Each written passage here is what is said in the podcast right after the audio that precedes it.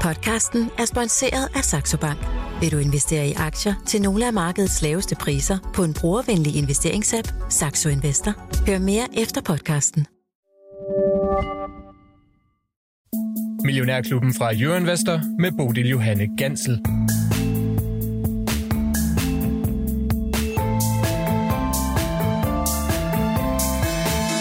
Danskerne stemte ja til det europæiske fællesskab. Platformsko og fløjelsbukser var det helt store hit. På frokostbordet stod den nye eksotiske ret stjerneskud med fisk i alle afskygner, og i radioen der spillede de Elton John og brødrene Olsen. Vi er selvfølgelig tilbage i 70'erne i en tid, hvor Danmark også fik et nyt forsikringsselskab. Det skal handle om de næste 45 minutter, hvor jeg har fået selskabets administrerende direktør fra Top Danmark, Peter Hermann i studiet. Velkommen til. Tak. Peter, øh, du er jo faktisk selv fra den tid, jeg nævner her, altså 70'erne. Du voksede op øh, lige der i 70'erne, måske også lidt ind i, i starten af 80'erne. Hvis du tænker tilbage på Danmark på det tidspunkt, hvad var sådan øh, særlige kendetegn i din øh, hukommelse? Det sjove er, at jeg tænker faktisk tilbage på en tid, hvor jeg bare var glad. Dejligt. altså, jamen, ungdom og gik i skole og blå himmel og spillede fodbold. Men når jeg sådan kigger lidt tilbage i historiebøgerne, så økonomisk var det faktisk lidt en hård tid i 70'erne og 80'erne. Mm. Der var der faktisk også høj inflation dengang. Der var til gengæld også høj arbejdsløshed. Har vi ikke i dag på samme måde. Så der var faktisk lidt krise i samfundet på den måde, og en høj udlandsgæld. Men, men personligt var det ikke noget, jeg opdagede sig så meget af, vil jeg sige. ja, fordi meget øh, vand er selvfølgelig løbet i åen siden da, både for dig, Peter, og for Top Danmark. Så lad os øh, se at komme i gang med dagens CEO-snak, så vi kan lære både forsikringsselskabet og dig lidt bedre at kende. Og lad os lige starte med at få lidt øh, fakta på bordet om øh, Top Danmark. I er et af de største forsikringsselskaber herhjemme. I tilbyder skadesforsikring både til private erhverv og til landbrug. Og det er jo, det er jo et bredt kundesegment, må man sige. Hvor ligger jeg sådan særligt for sig? Jeg vil faktisk sige, at det er rent faktisk ret fokuseret, fordi når vi siger, at vi er til for den helt almindelige dansker, og så de her mellem- og små øh, virksomheder, det er faktisk relativt fokuseret, og vi er alene på det danske marked plejer faktisk at sige, at vi har hver fjerde dansker og hver sjette virksomhed og hver andet landbrug som kunder her. Mm. Så det er faktisk i sig selv sådan, uh, fokuserer vi ned på at kende bedst muligt til danskerne og deres udfordringer forsikringsmæssigt. Og det kan godt være, at jeg startede fortællingen om jer i 1972, hvor topsikring så dagens lys, men I har jo faktisk øh, trådet helt tilbage til 1899, hvor mejeriernes ulykkesforsikring og arbejdsgivernes ulykkesforsikring de blev øh, grundlagt. Eller måske så har I faktisk trådet helt tilbage til 1728, hvor store dele af København brændte, og hele ideen om forsikring den blev født. Hvis vi ser det sådan i det historiske lys, Peter, så bliver forsikringen måske noget lidt andet end bare sådan police, der bliver langet over desken og, og betalinger, der bliver, der bliver øh, smidt ind til forsikringsselskabet. Og med far for at glide over i noget, der måske bliver sådan en lille bitte smule rørstrøms. Hvad betyder forsikring så egentlig for dig? Altså for mig at se, så er forsikring jo et meget solidarisk system. Og som du selv siger, nu startede det helt tilbage i 1700-tallet, hvor der var nogle mennesker, der gik sammen efter store katastrofer, store brænde. Det kunne være skibe, der gik ned, og rent faktisk gik til, sammen og sagde, nu skal vi forsikre hinanden, fordi vi har ikke råd til, at den enkelte går ned, og vi har ikke råd til selv at betale det. Så for mig er det faktisk et solidarisk system, som vi har stor glæde af i det danske samfund. Og vil sige, uden forsikringer var der jo rigtig mange ting, som samfundet ellers skulle bære. Og så jeg synes faktisk, at det er et rigtig godt princip, der er opfundet dengang. Mm. Og ja, vi kommer helt tilbage fra det i slutningen af 1800-tallet blev til topsikring i, der i, som du selv siger, 70-80'erne, og så blev vi et børsnoteret selskab i, uh, i 1985, tror jeg det var, så det, og blev til Top Danmark dengang. Ja, der er sket rigtig meget. I har også været inde over forskellige forretningsområder. Der har både været noget, der hed Top Danmark Rejsebyrå og Top Danmark Bolig. Det var dengang i, i slutningen af 80'erne og starten af 90'erne, da sådan alle de der finansinstitutioner, de skulle være sådan uh, supermarkeder på en eller anden måde. Det gik I så hurtigt fra. Hvis du sådan selv skal pege på nogle af de vigtigste milepæle, som I har været igennem som, uh, som forsikringsselskab, hvad vil det så være? Jamen, jeg tror, hvis man skal gå tilbage til den tid, som du siger der, så var der store forsøg med at lave finansielle supermarkeder. Og som du selv siger, hvis man havde en øh, rejseforsikring, så kunne vi sikkert også sælge en rejse. Der var noget med noget bank. Vi ejede faktisk Aktivbanken, som på det tidspunkt var den syvende største bank. Og der var også lidt eventyr med noget banker i Kalifornien, og der var lidt i Irland og så videre. Og det gik rigtig skidt, faktisk. Det gik faktisk rigtig nok. skidt. Det gik faktisk rigtig skidt dengang. Og der var der nogle kloge mennesker, der dengang sagde, nu fokuserer vi ind på det, vi er bedst til. Og det, det tidspunkt var det at bevare sit kan man sige, indsatser på liv- og pensionsområdet og på skadesforsikringsområdet. Mm. Og så vil jeg sige, så har vi efterfølgende, hvis jeg skal nævne nogle flere milepæle, så har vi efterfølgende gjort det endnu mere kan man sige, fokuseret ind på de rigtige segmenter. Så vi har for et par år siden, der har vi solgt vores liv- og pensionsvirksomhed, og så har vi faktisk her for nylig også fået godkendelsen, og faktisk her på fredag overtager vi en ny sundhedsforsikringsvirksomhed. Så vi, nu er vi et 100% skadesforsikringsvirksomhed, og det er, det, det er en stor milepæl for os. Og igen er der noget med at fokusere ind på det, vi er allerbedst til med de rigtige segmenter, med den rigtige forretningsmodel. Mm. I bor ude i øh, Ballerup. Det gør I sammen med andre forsikringsselskaber. Lad os bare sige det på den måde. Peter, hvor mange øh, medarbejdere er I egentlig? Vi er lige omkring 2.000 mm. medarbejdere i Top Danmark. Okay. Så øh, ja, der holder jeg altså til derude. Øh, I 2016 der blev du ansat i uh, selskabet. Den første stilling, som uh, du havde, som umiddelbart jeg kunne se i hvert fald på hjemmesiden, det var i Top Danmark Livsforsikring, og det er så det, som jeg solgt fra. Og så i 2018, der tog du altså over for den øh, administrerende direktør, der dengang var Christian Sækkel. Han sad i stolen siden 2019, og så blev det lige pludselig dig, der skulle styre det hele. Hvad var det for en tid, Peter? det var faktisk en speciel tid, kan jeg huske. Altså, det er rigtigt, jeg blev ansat i livsselskabet som, uh, som direktør, og det var også ligesom det, jeg kom fra. Jeg er blevet uddannet som aktuar og har arbejdet med forsikringer og liv og pension i lang tid. Og så har jeg ligesom trænet, kan man sige, til at få et, uh, et job også på det niveau, og det var jeg sådan set glad for. Så jeg sad der i et halvandet års tid og var en del af den øverste ledergruppe sammen med andre gode kollegaer. Og så på et tidspunkt, så skulle Christian Sagel, han, øh, han skulle noget andet. Og så var der en diskussion omkring, jamen, hvem skal så være, hvem skal så være den nye administrerende direktør. Rakte du hånden op der? Nej, det gjorde jeg faktisk ikke. Og det sjove er, at jeg blev spurgt, at der var mange, der spurgte rundt. Hele ledergruppen blev spurgt. Og jeg tror, jeg selv sagde, jamen, jeg tror, der, der kan findes mange andre gode personer her. Og så tænker jeg en dag over, måske underspillede jeg kortet her. Det kunne da godt være, at jeg kunne sige, at hvis der nu kom nogle muligheder, mm. måske ikke som administrerende direktør, så kunne det godt være, at jeg også kunne blive brugt til noget bredere. Så måtte jeg alligevel rejse hånden og sige, hvis I nu overvejer noget. Og så var der en øh, bestyrelsesformand, der sagde, jeg er glad for, at du melder dig ind i kampen. Og jeg tænkte, nå, okay. Så der var sådan en lang periode, hvor jeg faktisk gik, min familie kalder det spøgelsesperioden, fordi på den ene måde, så var jeg selv synes, det var lidt specielt, og var jeg overhovedet den rigtige, og og så på den tidspunkt endte det med, at de sagde, nu er det, altså, nu er det dig, vi satser på, og nu skal vi lige finde ud af, om, øh, om, vi, om vi så kan blive enige omkring, sådan, hvordan du vil agere fremadrettet. Mm. Og så skulle jeg lige pludselig blive administrerende direktør, og det betød også, at jeg rykkede fra en ledergruppe, hvor jeg sad i, til ligesom at blive administrerende direktør for den ledergruppe. Og det er altid det er lidt specielt. Mm. Jeg havde måske den fordel, at jeg ikke havde været der lige så lang tid. Så det var måske lidt lettere for mig faktisk at foretage nogle af de valg, som også medførte nogle lidt større ændringer, end hvis man havde siddet lang tid i den samme organisation. Mm. Men Peter, du er altså, som du selv øh, nævner, uddannet øh, aktuar, og det er altså forsikringsvidenskab, og altså ærligt jeg synes, at øh, når jeg møder den slags mennesker, de plejer at være rimelig nørdet. Du virker ikke helt så nørdet, Peter, men øh, har du bredt dine vinger længere ud i forhold til kun at være sådan øh, helt nede i forsikringsdetaljerne, eller hvordan er du blevet den leder, som du er i dag?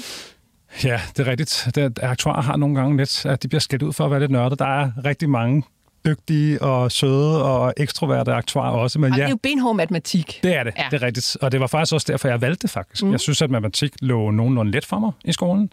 Og så tænkte jeg, forsikringsmatematik, jeg skulle heller ikke læse så langt i den der bog, der hed Hvad kan du blive? Der var aktuar, det var en af de første sider. Så det var let. Så tænkte jeg, det er en god øh, mulighed for at ligesom, få noget matematik, der handlede også om noget økonomi. Så hvis det er rigtigt, så efterfølgende, da jeg faktisk fungerede som aktuar, der syntes jeg selv, at jeg godt kunne tænke mig at brede kortet lidt ud. Så jeg tog faktisk også en, en uh, uddannelse i den, en HD, mhm. organisation og ledelse, for at få det bredere kort. Og efter det har det faktisk gjort, at jeg har fået nogle muligheder, selv måske taget nogle af dem, men også blevet tilbudt muligheder, hvor jeg har bredt kortet lidt ud. Så jeg har faktisk arbejdet i rigtig mange funktioner inden for både liv og pension og for skade. Så jeg et eller andet sted har fået et bedre billede af den samlede værdikæde. Mm. Det er faktisk noget, som jeg i dag har meget på sinde, det er at kigge på den sammenhængskraften i en virksomhed. Hvordan et område påvirker et andet område for hvert område, så det er lidt det samme med ledelse. Ledelse starter meget ofte sådan lidt op og ned. Man kommer ind i en lederrolle, og man er meget fokuseret på medarbejderne. På et tidspunkt bliver man også klog nok til at finde ud af, at man nok også bliver nødt til at lede opad til, for at købe sig den rette tid og rum osv. Men en af de ting, som jeg synes måske, der man ikke værdsætter nok i de større komplekse virksomheder, det er faktisk ledelse til siden. For det her med samlingskraften, det er jo ofte sådan, at et område har en opgave, men det er jo ret vigtigt, hvordan den opgave kommer ind. Det kan betyde ekstremt meget for ens evne til at gøre det godt, men også hvordan opgaven man giver videre til den næste. Hvordan er den? Hvordan kan man så sikre, at den bliver taget imod på den bedst mulige måde? Mm. Så samlingskraft i virksomheder er noget, som jeg synes, jeg har brugt meget tid på, og synes jeg også har lært meget af ved at sidde i mange forskellige dele af en virksomhed. Og nu kalder jeg jo bare forsikring for forsikring, Peter, men du nævner jo selv, at du har været i både liv og pension, og nu er det altså skadesforsikring, det, det handler om. Øh, men altså, er der stor forskel på at gå ned i de der sådan, delelementer i, i branchen? Altså, du har været leder for begge dele. Har der været stor forskel på dine lederindsatser i de der to forskellige typer? Jamen, jeg synes, der, der er i hvert fald den forskel, om man taler liv og pension, så har det en længere rækkevidde. Altså, vi taler jo ofte det her med, at det handler om folks pensioner. Og det vil sige, de hensættelser, er der nok penge til de udbetalinger, man har garanteret, eller hvilke nogle type produkter, man nu har tegnet, levetider osv. Men det er klart, der er selvfølgelig noget grundlæggende, der er ens i forhold til at arbejde med risici. Men på et skadesforsikringsområde, der arbejder man lidt anderledes med det, for det er, lidt, det er nogle andre, andre typer forsikringer, nogle andre typer risici. Der er nogle hurtigere risici, kan man kalde det. Biler, der teknologisk ændrer sig osv. Når man er pension, så handler det rigtig meget om mennesker vores sundhed, vores alderdom, vores levetid. Og det ændrer sig også, ja, men ikke lige så hurtigt som bilsteknologier eller forskellige teknologiske udviklinger inden for byggerier og huse osv. Så, så på den måde er der forskel på måske den måde, man kigger på risikoen og risikoen på, og hvordan man kan prissætte risikoen. Men selvfølgelig er der noget grundlæggende ens på tværs af det. Og derfor har jeg også kunne tage nogle ting fra den ene branche til den anden og bruge videre. Nå, okay. Så der er ikke noget, du sådan særligt brænder for? Du er næsten nødt til at sige skadesforsikring nu, hvor du sidder, hvor du gør. nu har jeg selv været med til at tage et valg sammen med bestyrelsen og den øvrige ledelse, at vi skulle sælge vores liv- og pensionsvirksomhed. Det var ellers noget, som jeg også synes var super spændende at arbejde med. Mm. Men det var det rigtigt for Top Danmark at blive mere fokuseret på det, vi er allerbedst til. Og der er måske bedre synergier for en bank eksempelvis at tale med for pension, når det går meget på opsparing, og det her investeringsunivers, hvor forsikring, det er vi har vi altid været 100 meter mestre i, og skal blive ved med at være. Mm. Og jeg tænker måske også, at der var en meget god idé i at komme ud af det der segment. I hvert fald har der været rigtig mange år, hvor det måske har været en lille bitte smule svært at få tjent de penge, man skal bruge til at, at sende videre ud til folk, der skal på pension. Altså, vi har i hvert fald haft mange år med lave renter, nærmest øh, minusrenter har vi også haft. Øh, var det også en af bevæggrundene til, at I valgte at sige farvel til det felt? Jamen egentlig ikke, for jeg vil sige, at uh, i de perioder, hvor der har været lave renter, har der til gengæld været nogle rigtig gode afkast. Så jeg vil sige, at pensionsopsparerne har i hvert fald en længere periode haft nogle gode dage. Nu kan man spørge sig selv, hvordan det ser ud nu. Altså nu taler vi lidt om, at aktiemarkedet har, har ikke været lige så godt performende som tidligere. Ja, renterne er højere. Det kan selvfølgelig skabe et højere afkast fremadrettet. Men for os var det nok mere spørgsmål omkring, når man kigger på Top Danmark som en virksomhed, så er vi selvfølgelig til for vores kunder. Vi skal hjælpe dem. Det gør vi med vores gode medarbejdere. Og så har vi også nogle ejere, vi skal levere et godt afkast til. Og ejere, de kigger også på, hvilket afkast kan jeg få i forhold til den kapital, vi stiller til rådighed. Vi har jo nogle masse penge, som vi har lånt af vores aktionærer for at drive vores virksomhed. Og hvis man skal optimere på det, så er der altså forskel på en skadesforsikringsvirksomhed, fordi den driver mindre kapital, og der kan man også skabe måske et udkaldt afkast. Og en liv, liv- og pensionsforretning kan du måske også skabe et meget godt afkast, men driver noget højere kapital. Så vi valgte simpelthen også ud fra en kundevinkel, men også ud fra en aktionærvinkel at sige, at det er bedre for os at fokusere kræfterne ind, hvor vi, det er det, vi er bedst til. Der er vi jo klare segmenter. Og så har vi også en bedre mulighed for at få skabt et afkast i forhold til den kapital, der bliver stillet til rådighed. Der måske var bedre, end når vi havde den mere blandede forretning. Mm. Peter, et øh, sidste spørgsmål øh, til dig personligt handler om din ledelsesstil. Hvordan vil du øh, beskrive din egen ledelsesstil, hvis du, hvis du synes, du kan det? altså, der er noget, som jeg måske også er påvirket af helt fra barns ben. Det er, at øh, jeg er meget glad for åbenhed og ærlighed. Jeg tror rigtig meget på, at resultater skabes ved, at man er meget åbne og transparente. Og det betyder også, at øh, feedback, den kan både være positiv, og den kan være knap så positiv. Mm. Det tror jeg er vigtigt for at, ligesom at komme til den rigtige konklusion hurtigst muligt. Men det er klart, at hvis man skal have et åbent og ærligt miljø, så kræver det sådan set også, at det er et trygt miljø. Fordi hvis folk skal kunne turde sige deres mening, så skal det også være trygt. Så noget af det, vi arbejder med i Top Danmark, kan jeg sige, det er, at vi har det, vi kalder vores medarbejderløfte, sådan en medarbejderaspiration, som hedder Mere dig. Og det er faktisk for at signalere, at der skal være plads til den enkelte og den enkeltes holdninger, så man tør sige sin mening, at man kan være sig selv. Mm. Og i øvrigt hænger det super godt sammen med det formål, vi har. For vi er for at hjælpe, og hvornår man allerbedst til at hjælpe, det er man jo også, når man selv er i balance. Hvis man ikke selv har det godt osv., så, videre, så er det svært at hjælpe andre. Og vi lever af at hjælpe folk. Så vores medarbejdere skal helst være i så meget balance og være dem selv, så de er i stand til at hjælpe. Og så kan de også være ærlige, og så har vi den åbne og ærlige feedback, og det tror jeg skaber bedste resultater. Og kan du selv være så meget i balance, Peter, at du hele tiden er i stand til at tage imod også øh, kras feedback, som der må komme en gang imellem, tænker jeg? Jo, men jeg synes, jeg er blevet bedre til det, kan man sige. At, mm. øh, jeg synes, jeg er blevet bedre til det. Det er klart, øh, jeg har også gennem min karriere skulle lære at lære mine dele. Altså specielt det her med, at når man kigger på feedback, så var jeg ekstremt fokuseret på det rationelle. Altså jeg kommer, som vi lige har talt omkring, fra en aktuarskole, og det vil sige, at jeg er meget rationelt borget. Men det betyder ikke, at alle køber ind på det rationelle. Og det er i hvert fald nogle af de knups, jeg har fået undervejs. Det var måske for ensidigt at fokusere på et rationelt argument, og så var vi ligesom videre. Jeg kan faktisk huske, at jeg fik sådan en personprofil engang der i mit første lederjob. Og det var meget, meget sjovt. Det var sådan en personprofil, der beskrev et menneske som et hoved, der var kan man sige, det mere rationelle. Så var der et hjerte, der var det mere emotionelle, følelsesmæssige. Og så var der nogle ben, der skulle signalere energien og viljen drivet. Og da jeg fik den der figur tilbage, der var det sådan en mutant af et menneske, og jeg tænkte, de har printet den forkert. Fordi det var et kæmpe hoved og nogle mega lange ben. Og så kunne jeg næsten ikke se det af hjerte. Og det sagde jo bare noget omkring den ledelsestil, jeg havde på det tidspunkt. Mm. Og det fik jeg også nogle knups af, og så over tid er jeg blevet klogere. Fordi jeg tror, hvis man skal skabe den samlingskraft i virksomheder, som jeg også talte om før, så skal man huske at både lede og tale til både hjernen og til hjertet. Mm. Så det, det er noget, som jeg personligt har lært på arbejdet, og har faktisk også lært det privat, i mit privatliv. For jeg havde faktisk en datter på et tidspunkt, der, jeg har stadig en datter heldigvis, mm-hmm. men der fik angst. Og der må man bare sige, at øh, en datter, der går fra at være sådan udadvendt, social, glad i skolen, til lige pludselig er vi meget bange for de sociale relationer, bange for skolen. Der prøvede jeg med rationelle argumenter og løsninger at hjælpe hende, og det var jo fuldstændig forfejlet. Altså, der var jeg på ingen måde en uh, god far for min egen datter på det tidspunkt.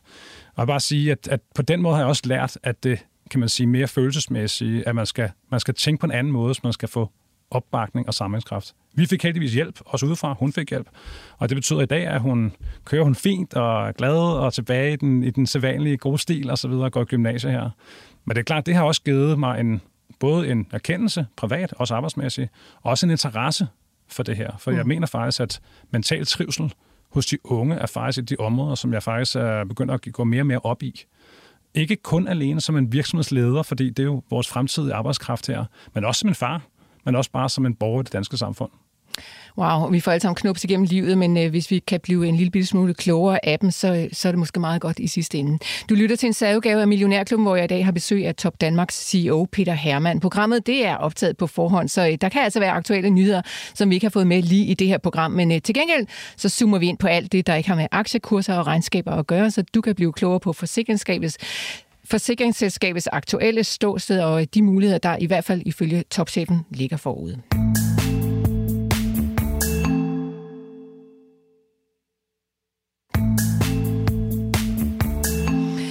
Peter, det var sådan en dejlig spring, tænker jeg, det her med hjertet, og øh, hoppe videre til det næste tema, som øh, jeg har sådan, øh, været inde på jeres hjemmeside og rodet lidt rundt og bladret frem og tilbage, og, og der er noget, der sådan særligt, synes jeg, præger den der hjemmeside, og det øh, hjemmeside, det er eksemplificeret ved, øh, ved ord som øh, grøn omstilling, bæredygtighed, ansvarlig fundament og velfærd i hverdagen. Øh, kan du ikke sætte lidt flere ord på, hvad det er for en rolle, som I ønsker at indtage også i samfundet med de her beskrivelser?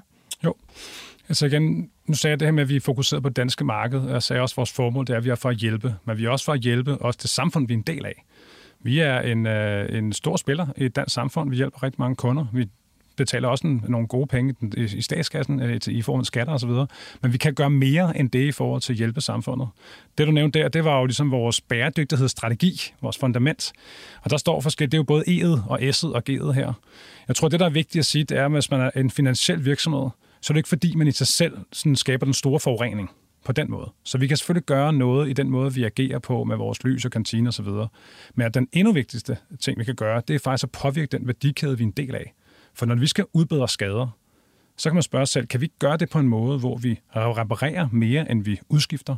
Det kunne også være, når vi reparerede dit hus, der desværre er sket et eller andet ved, at vi kunne tilbyde at gøre det med nogle genbrugsmaterialer. Så vi kan påvirke også vores leverandører, vores indkøbsaftaler, til at sørge for, at det bliver mere bæredygtigt. Så det er bare for at sige, der, kan vi, der har vi en rolle, og så har vi en stor rolle, synes jeg, i at sørge for, at skaderne ikke sker. Fordi den skade, der forurener mindst, det er den, der slet ikke skete. Og det er klart, der er selvfølgelig ikke alt, vi kan undgå. Vi har, vi, det, det er vi ikke sådan rigtig herre over vejret eksempelvis. Men brænde og trafikuheld og så videre, der kan vi altså gøre rigtig meget med de data, vi har, for at hjælpe kunderne til at hjælpe sig selv, for at undgå skader. Og det lyder selvfølgelig alt sammen meget godt, og jeg tænker, at øh, det er det selvfølgelig også. Men øh, I sidder jo ikke derude bare for jeres blå øjens skyld og gerne vil gøre noget godt for samfundet. Det handler også om kroner og øre nede på, øh, på bundlinjen, går jeg ud fra. Hvordan sådan balancerer I det der felt også, når I er i medierne med, at øh, I vil gerne gøre noget godt, men altså, det handler også om, at I skal have en sund og god forretning? Ja, for mig er der faktisk ikke nogen modsætning. Altså, jeg, jeg har sådan en stærk tro på, at man skal sådan balancere de tre kan man sige, stakeholders, eller sådan typer af ens virksomhed. Der er selvfølgelig vores kunder, som jo er allervigtigste. Vi skal jo hele tiden sørge for at være konkurrencedygtige, have de rigtige services, selvfølgelig også konkurrencedygtige priser. Så har vi medarbejderne, som er ekstremt vigtigt aktiv. Det, det er jo sådan set dem, der, der sørger for at hjælpe vores kunder. Så det er jo rigtig vigtigt, at de er der. Og så er der nogle ejere. Og det ville da være let, hvis man kun skulle være til for den ene. Eller, eller to for den sags skyld. Men at være til for tre på den måde, det skaber jo i mine øjne faktisk også en stringens omkring, hvordan man skal operere en virksomhed for at være så effektiv som muligt. Og det tror jeg på, uanset hvad er effektivt. Så jeg mener sagtens, at vi kan stå i en situation og hjælpe rigtig mange kunder, have rigtig dygtige medarbejdere, være til for et samfund, men faktisk også tjene nogle penge på det. Så det er selvfølgelig en balance, man skal finde, og den, øh, den, den, den leder vi efter hver dag, men det gør os igen også skarpe. Men møder du også øh, holdninger ude i den virkelige verden, hvor folk ligesom synes, at det lyder lidt lovligt meget som varm luft, luft det der, I render rundt og siger om, at øh, nu skal vi hjælpe sådan på den gode måde, eller hvad? Jeg tror faktisk ikke, at der er nogen, der sådan kritiserer det. Jeg tror mere, at det er faktisk et spørgsmål omkring, hvor meget er vi egentlig som mennesker, kunder, altså selv villige til at tage skridtet ind i det her med, eksempelvis at få repareret tingene eller bruge genbrugsmaterialer. For selvom vi tilbyder det, så må vi også konstatere, at det er jo ikke alle, der så synes lige præcis, deres iPhone skulle repareres, eller deres hus skulle bygges med genbrugsmaterialer. Så jeg tror mere, at det er noget, vi skal påvirke. Nu sagde du også i starten, at øh, vi, vi, også, vi, vi kom ud af landbruget. Vi har stort arbejde, altså samarbejde med landbruget om at finde løsninger, der rent faktisk kan gøre, at de også kan imødegå de mål, de har for eksempelvis CO2 osv. Så, så vi foretager også produkter, hvor vi kan hjælpe dem med måske at bruge mindre øh, gødning osv., og, og fortsat rent faktisk få den rigtige høst. Og hvis det går galt, så kan vi også forsikre mod det. Så jeg synes faktisk, at vi prøver at indarbejde nogle af de her ting i vores produkter, så det bliver en naturlig del. Så, så jeg tror ikke, jeg synes, at, jeg synes ikke, det er varm luft, og jeg synes faktisk heller ikke, at vores kunder reagerer med det varm luft. Jeg tror mere, det handler også som forbrugere. Hvor klar er vi i virkeligheden til at tage skridtet ind i hele den her bæredygtighedsagenda, når det handler om genbrug og operationer osv. Ja, de andre må gøre noget. Vi, vi vil gerne blive ved med at flyve. Nå, men altså klimaforandringer er jo ligesom kommet for at blive, og det påvirker selvfølgelig forsikringsbranchen ganske voldsomt. Lige de her dage, mens vi står og taler, der er der øh, klimatopmøde i Dubai, COP28, og øh, der er jo altså ikke meget sådan, der tyder på, at der egentlig er politisk handlekraft. Der er masser af ord, ja, men øh, handling, det kniver det måske med. Hvordan er det for jer som forsikringsselskab at stå og kigge på det, at der bliver talt rigtig meget, og så måske ikke gjort så meget? Altså, der er ikke nogen tvivl om, det er jo et kæmpe, en kæmpe udfordring, det her. Altså, og det tænker jeg ikke, det er kun for forsikringsselskaber. Det her, det er jo en udfordring generelt. Sådan hele vejen igennem for, for, for os mennesker i virkeligheden. Jeg tror, det er bare sådan at kigge på sådan et år som i år, og kigger på vejret. Altså, vi startede med januar. Det var den vådeste januar nogensinde. Der var storm i februar. Vi havde sne i marts. Vi havde tørke i Q2 lige pludselig med en masse skybrud. Og så havde vi en Q3, der bestod med den vådeste juli nogensinde. Så så vi storm i august. Det har vi, det plejer man heller ikke at have i, sådan, uh, i Q3. Og så har vi så startet et Q4 her med et kæmpe skybrud over Aarhus, et af de største, der har været i lang tid over Aarhus. Og så var der stormflod, og så har det regnet, regnet, regnet. Hmm. Så man kan sige, bare i år er godt eksemplificeret ved, at værkuderne har vist alt, hvad de kan. Men spørgsmålet er, hvad de mere kan. Og det er klart, at øh, hvad, kan man, hvad kan vi som verden gøre for at undgå de her meget volatile forhold? Jeg tror personligt på, at men vi, jeg tror, vi ser ind i mere volatil vejr fremadrettet. Og for forsikringsselskaber, altså vi har en opgave i, hvordan kan vi afhjælpe de her ting bedst muligt. Vi kan jo ikke undgå, altså det er jo ikke os alene, der kan bestemme, hvordan vejret bliver, men vi kan måske prøve at hjælpe vores kunder til, at når det sker, at skaderne ikke bliver så store. Vi sender faktisk rigtig mange proaktive beskeder ud til kunder i berørte områder omkring, hvordan de måske kan sikre sig bedre, når nu stormen eller skybruddet kommer. Vi kan lave services, måske ikke rene forsikringsprodukter, services, der hjælper dig med at vedligeholde huset på en anden måde, så tagrenderne faktisk var tømt den dag, det regnede rigtig meget osv. Bare eksempel. Men jeg tror, at de store ting, det skal jo ske i samarbejde med regeringen og, det, og, det, og kan man sige, staten, det offentlige. For sådan nogle klimatilpasningsplaner, det, det er ret vigtigt. Hvis man ser tilbage til, jeg tror, at vi havde nogle store, store skybrud i 2013, altså nogle kæmpe øh, storme skybrud. Og hvis sådan en skade skete i dag, vil den trods alt være mindre, end den var dengang. Fordi vi har været bedre til at sikre kloakering osv. Men det kan vi blive meget bedre til, og det er heller ikke alle steder i Danmark, vi står lige godt. Så det er jo der, vi som branche forsøger rent faktisk gennem vores brancheorganisation, Forsikring og Pension, og se, om vi kan hjælpe det offentlige, også med rigtige data, på, hvor er det egentlig tingene sker. Så jeg tror, vi har en opgave foran os i fællesskab i Danmark at finde ud af, at når nu vejret bliver mere volatilt, hvad gør vi så for at undgå, at det ikke kommer til at koste for meget hver gang? Hvordan synes du, den, øh, det samarbejde foregår med det offentlige? Altså, er der lydhørhed over for, hvad I kommer og fortæller, eller hvad, hvad tænker de? Jamen, jeg synes, jeg synes faktisk, at der er en meget god lydhørhed. Jeg tror på, at vi som brancheorganisationer, det er også en af de ting, vi har drøftet i vores bestyrelse, det er, at jeg tror, at vi godt kan blive brugt som en endnu større sparringspartner, når man kigger på, hvordan det danske samfund er indrettet. Og det gælder både nu taler vi lige hver her, det kunne også være sundhed, det kunne være andre elementer. Det gælder både pensionsbranchen, det gælder forsikringsbranchen. Så jeg synes, der er et udmærket samarbejde, men det er klart, vi kan ikke, øh, vi kan ikke løse tingene alene, og hvis ikke, at der sker andet, men så er det klart, så vil prisen på forsikringer gå op, hvis det er sådan, at vejret det bliver ved med at være mere volatilt.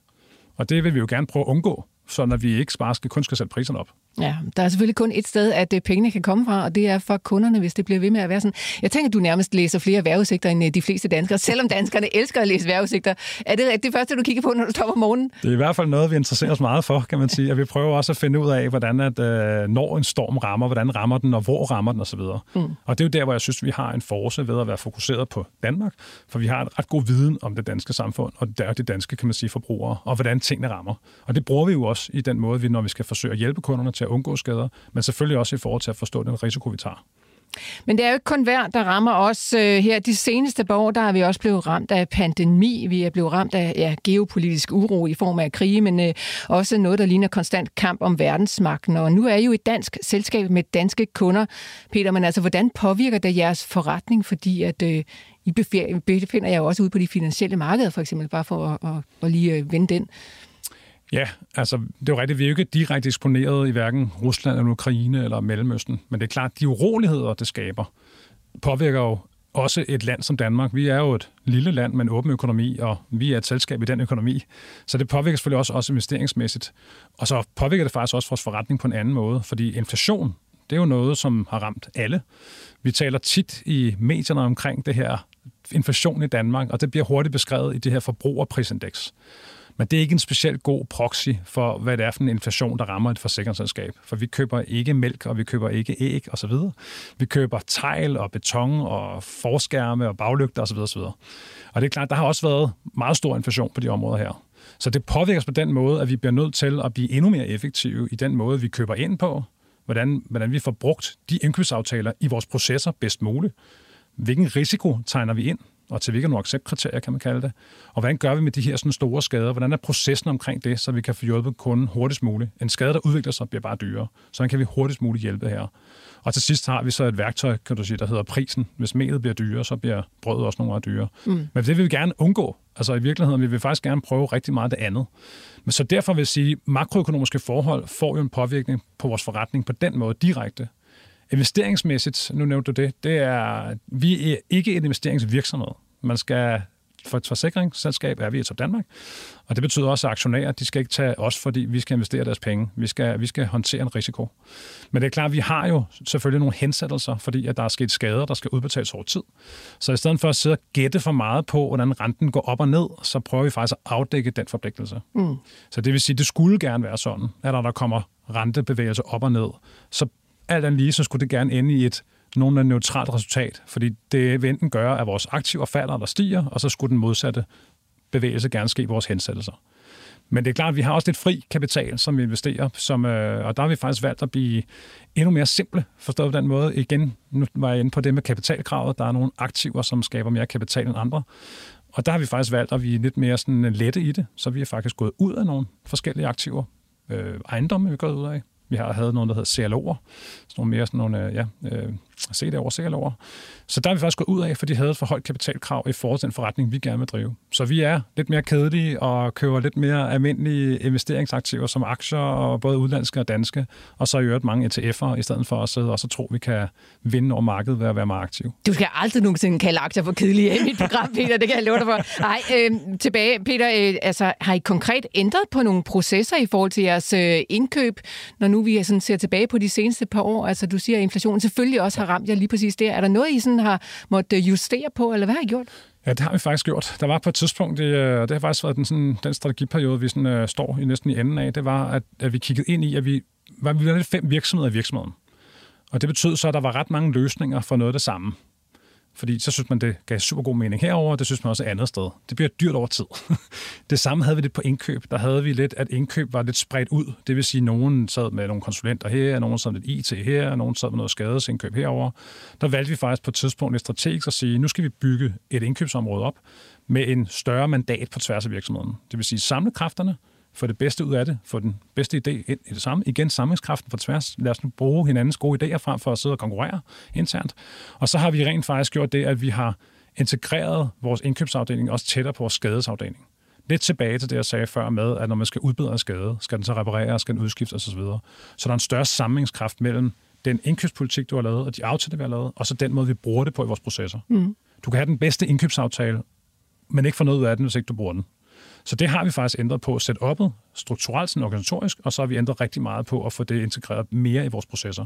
Og det har faktisk givet god værdi helt ned på bundlinjeniveau? Altså kan I se allerede, at det, det virker godt? Ja, vi kan, se, der, vi kan i hvert fald se på forskellige punkter, at det faktisk har skabt en anden gennemsnitsskade, hvor vi kan se, at vi har faktisk lykkedes med at få gennemsnitsskaden ned på nogle udvalgte, for, kan man sige, for forsikringslinjer. Mm. Og det er jo sådan set positivt, for det betyder så, at vi kan holde risikoen, holde den mere skak i en inflationsperiode, der jo ellers gjorde, at det hele skulle stige. Og nu ved jeg ikke, hvor meget du er helt nede på det der detaljniveau, Peter, men altså, øh, har du nogen holdning til, hvor lang tid vi skal døje med øh, relativt høj inflation også øh, herhjemme i Danmark? Oh, nu ja, jeg ved godt, det bliver sådan meget makroøkonomisk. Nej, jamen, men, øh... jeg, jeg er på ingen måde en nationalbankdirektør her, så det er, så, men jeg kan jo se, at øh, hvis man kigger på det her forbrugerprisindeks, så var det trods alt på vej ned. Jeg vil sige, inden for de, nogle af de varer, vi køber, der er der stadig inflation i visse dele. At, øh, altså, der er stadigvæk forskærme og, og for, altså forlygter og så videre. Der, der, er, der er stadig inflation. Det er der også på nogle byggematerialer. Og så skal man lige tænke på, at en nu siger meget materialer. I virkeligheden så er en stor del af vores omkostning er jo lønninger. Ikke kun alene lønninger til vores egne medarbejdere, men også lønninger til de gode mennesker i Danmark, der reparerer og udbedrer efter skaden er sket. Og der har jo også været inflation som følge af, at der er inflation og sted, så har der også været et pres på lønninger osv. Så, videre. så der har været en løninflation. Så det påvirker selvfølgelig også vores, øh, vores kan man sige, udgifter. Så, øh, så jo, vi, øh, det, vi gør noget for at undgå det et eller andet sted, men, øh, men det er klart, vi må, vi må bare være bedre og være effektive for at sørge for at skabe en bedre forretning hver dag. Men en ting er, at man skal betale mere i løn til de øh, håndværkere, der skal rundt og reparere og, og udbedre skader og dit og dat.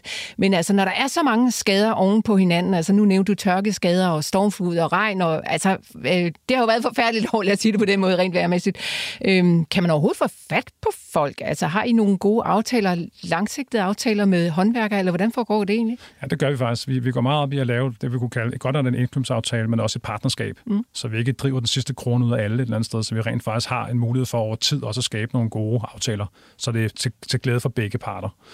Men det er svært i øjeblikket, kan man sige. Nu har vi også haft en stormflod, som vi forsikringsselskaber også er med til at hjælpe på at skulle håndtere skaderne. Og så der er sket rigtig mange skader, både sommer og nu her også i efteråret. Det betyder også, at der er en mangel på de personer, der rent faktisk kan hjælpe med at udbedre de skader og pumpe vandet ud af kælderen osv. Så, så det er selvfølgelig rigtig ærgerligt for nogle danske forbrugere, der står i en situation med vand i kælderen og efter et skybrud og eller et stormflod, og så stadigvæk har vand i kælderen. Vi gør alt, hvad vi kan, men, men igen, vi har også behov for, at der er den, kan man sige, kapacitet i det danske samfund med de mennesker, der kan det her. Så der er vi jo lidt, øh, der er vi jo lidt herre over, hvordan sådan, den, det øvrige arbejdsmarked, vi skaber, vi er med til at skabe et marked, men det er jo ikke os, der, det er ikke os, der køber kan man sige, skadeserviceselskaber osv., dem, dem benytter vi os af. Og lige præcis den der stormflodsskade, som vi havde her for nylig, der øh, kunne jeg jo forstå, at man ligesom blev sendt videre. Det var ikke, det er ikke sådan jer, der skal punge ud med alle de der penge, der skal til for erstatninger, men det er jo stadigvæk jer, der skal lave en masse administrativt arbejde, eller hvad? Ja, aftalen er, at øh, det er jo faktisk de danske forbrugere, der gennem deres forsikringer bidrager ind i den her fond. Igen, det solidariske princip, så når nu der kommer sådan en stormflod, der rammer nogle områder, så er vi alle sammen med til at dele det. For ellers vil det blive ekstremt dyrt for de kunder, der måske specielt er udsat for stormflod. Fint princip. Det princip, der så, så gælder, når skaden sker, det er, at selskaberne, vi skal egentlig administrere de her skader. Så selve udgiften ligger i det her naturskaderåd, tror jeg, det hedder nu, tidligere stormflodsråd. Og så er det sådan, at, øh, at vi får et fee for at håndtere det. Men vi havde jo også selv vores egne skader. Fordi det er jo vores kunder, ja. Og der, men det kan godt være, at der er en stormflod her, men der, det stormede også, og teglet røg ned, og så videre. Så der er rigtig travlt i øjeblikket øh, på både stormflod og de øvrige skader, der er sket. Mm.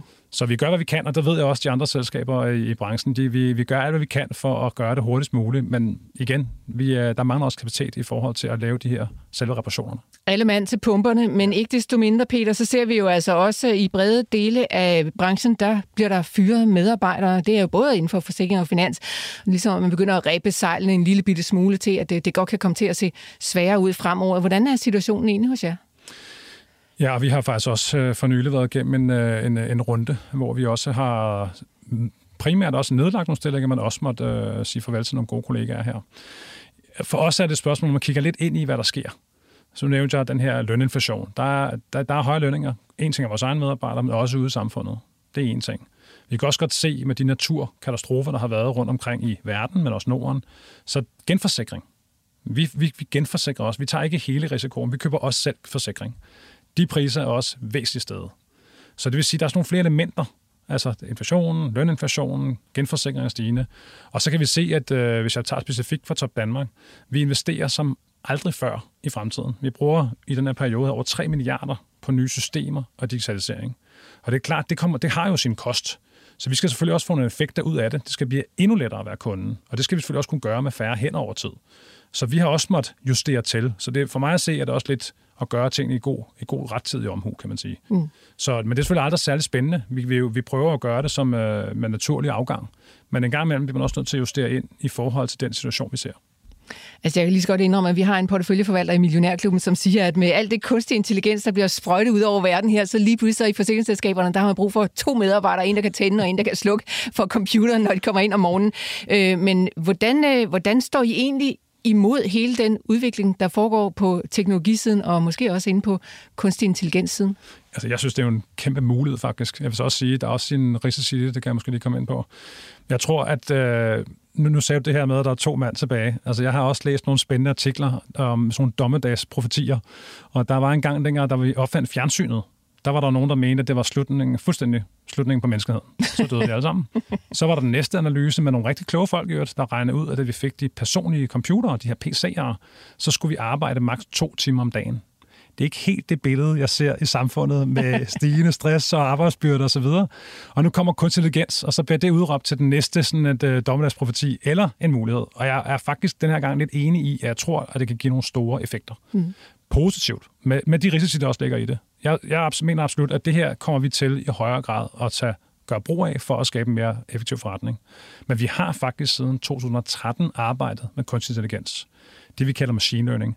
Lidt mere, kan man sige, prædiktive modeller, sådan mønstergenkendelse, men det er faktisk også en form for kunstig intelligens. Så vi har mange applikationer, der kører og hjælper os med at træffe hurtigere og bedre beslutninger. Så det er ikke bare en robot, der gør det samme hver dag. Det er faktisk en algoritme, der bliver klogere og hjælper os med at tage en bedre beslutning.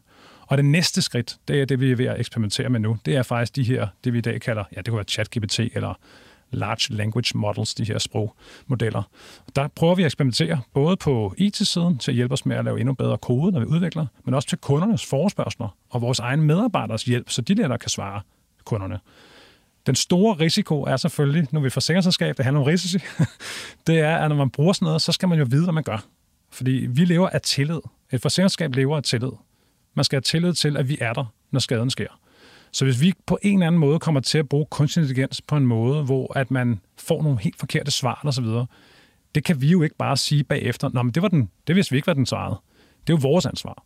Så, så vi kommer til at gøre det her på en styret måde, men jeg tror, der ligger meget effektivitet for at hjælpe den medarbejder der daglige, og jeg tror generelt, samfundet kan forstå og glæde af det her. Vi mangler jo den grad hænder til, nu talte vi om sundhed før, måske hvad det hedder, den ældrebyrden osv. Det, der mangler vi jo hænder. Så hvis vi på nogen måde kan altså, kan man sige, frigøre noget tid med kunstig intelligens på nogle typer opgaver, der egentlig er mere administrativt, så vi får flere produktive hænder på der, hvor vi mangler hænder, så mener jeg faktisk, at vi som samfund har, kan få nogle store gevinster ud af det. Og Peter, så er vi allerede godt i gang med at snakke om øh, fremtiden for Top Danmark, som jeg tænker, vi skal bruge den sidste tid på her. I øh, marts 23, der var I ude at melde, at I havde købt Una Health AS, som måske mest er kendt øh, med datterselskabet Dansk Sundhedssikring. Og det er, som du sagde tidligere i programmet, netop blevet godkendt af Konkurrence- og Forbrugerstyrelsen, som var den sidste styrelse, I lige manglede, der skulle sige ja tak til det. Hvad skal I egentlig med det? Jeg tror på, altså, at, øh, og det gør vi i Top Danmark, at nu har vi jo valgt at blive et 100% skadesforsikringsselskab. Og hvis man kigger lidt ud i fremtiden, så tror vi på, at sundhedsprodukter, sundhedsløsninger, vil der være en større efterspørgsel på. Vi er jo som mennesker mest optaget af os selv. Ikke? Vi øh, er vores, os selv, os nærmeste, vores helbred. Og der er ikke nogen tvivl om, at i øjeblikket er der allerede mange sådan ikke opfyldte behov hos den danske forbruger i forhold til sundhedsydelser jeg tror rigtig meget på, at vi som branche skal være en øh, supplement og ikke en erstatning for noget offentligt. Vi er faktisk meget med til at støtte op omkring, at man har et stærkt offentligt sundhedsvæsen. Men der vil være nogle gradueringer på, hvad er det, det offentlige egentlig står for, og hvad er det så, den private forbruger selv skal betale. Og derfor tror jeg faktisk, der ligger et marked her, som ikke bare kun handler om sundhedsforsikringer, som rigtig mange danskere har i dag, men også andre løsninger. Det kan være rådgivning omkring, hvad man kan gøre for at komme igennem et sundhedssystem, og, og hvordan man går til lægen og det offentlige osv., i forhold til at finde det, for at komme tilbage på arbejdsmarkedet igen.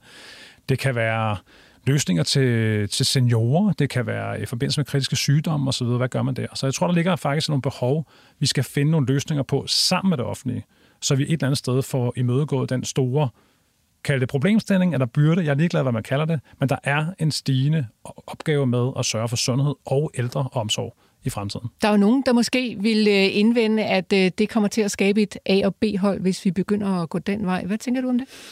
Ja, jeg plejer faktisk at være sådan, at øh, hvis man starter med at sige A- og B-hold, så har man startet med ikke at prøve at finde en løsning.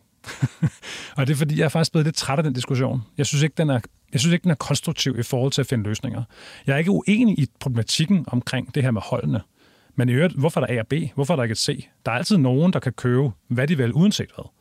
Så er der et stor, stor gruppe, som er på det danske arbejdsmarked, som måske kan forsikre sig, eller selv betale nogen, lave nogle fælles løsninger. Og så er der selvfølgelig en gruppe af mennesker, der er uden for arbejdsmarkedet. Og det er klart, der skal vi selvfølgelig have lavet nogle løsninger, som, hvor vi også sikrer, at de har en god sundhed, kernesundhed. Det har vi gjort på andre områder. Kig på pensionsområdet. Der har vi jo også lavet forskellige løsninger for, hvordan man kan hjælpe også folk, der står uden for arbejdsmarkedet. Så har vi ældrechecks osv. Jeg er sikker på, at vi godt kan finde nogle løsninger, så vi får sikret en samlet god sundhed for alle borgere. Men det vigtigste, det er sådan set, at man går ind i dialogen og får talt omkring, er der nogle snitflader, er der nogle skæringsflader, er der nogle grænser for, hvornår det offentlige stopper, og det private skal tage over. Og den diskussion, den synes jeg, man får lidt ødelagt, hvis man kun går over i sådan en ideologisk diskussion om A og B-hold. Så det prøver vi, både som selskab, jeg har faktisk øh, for ikke så lang tid siden, jeg tror der sidste uge, der havde, jeg, hvad havde vi konservative, Søren Pape ude. Vi har også haft øh, Liberale Alliance, SF og andre partier ude i Top Danmark og vise nogle af de ting, vi arbejder med.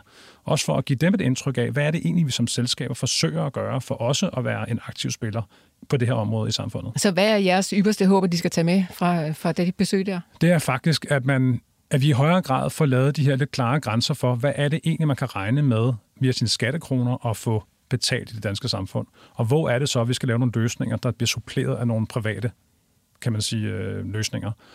Og måske den sidste også, og hvad gør vi så med dem, der står uden for arbejdsmarkedet, der måske ikke har muligheden for selv at betale det?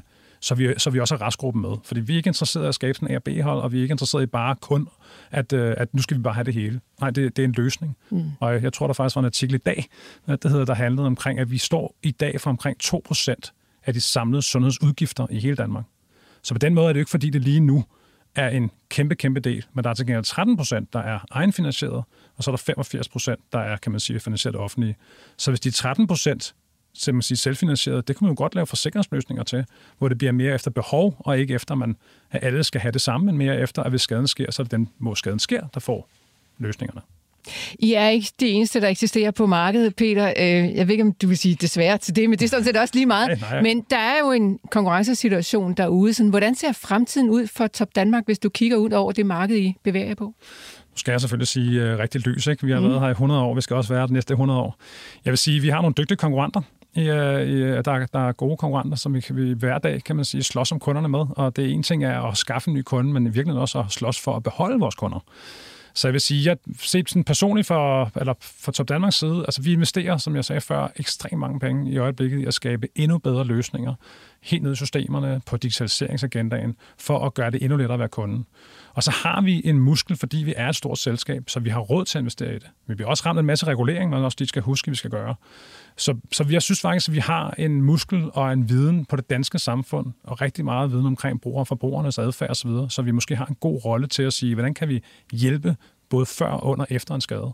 Så jeg tror på, at vi ser ind i en, et fortsat hård konkurrence, men også for Top Danmark vil være en toneangivende spiller også i fremtiden. Og så lad os lige vende tilbage til det personlige og til dig, Peter. I CEO-sammenhæng, så vil nogen måske mene, at du er en uh, relativ ung mand. Er du fyldt 50, eller ja, er du er lige ved? så ung er jeg ikke længere, nej. Ja, okay. øhm, er du bekymret for, at du har pigget for tidligt? Nej, det har jeg faktisk aldrig rigtig tænkt på.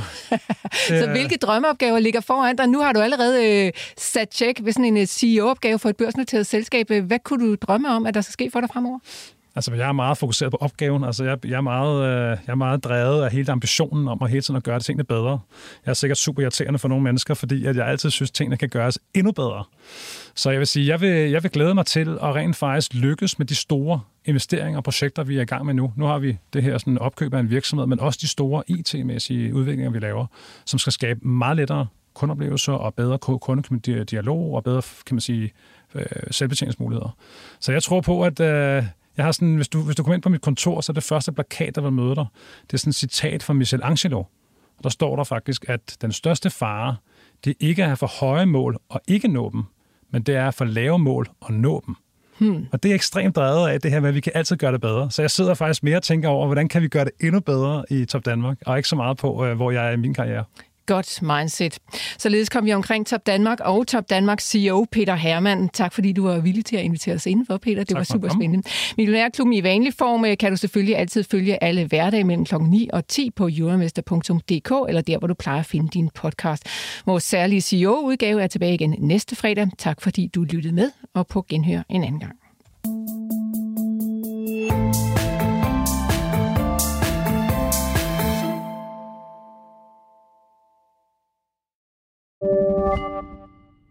Podcasten er sponsoreret af Saxo Bank.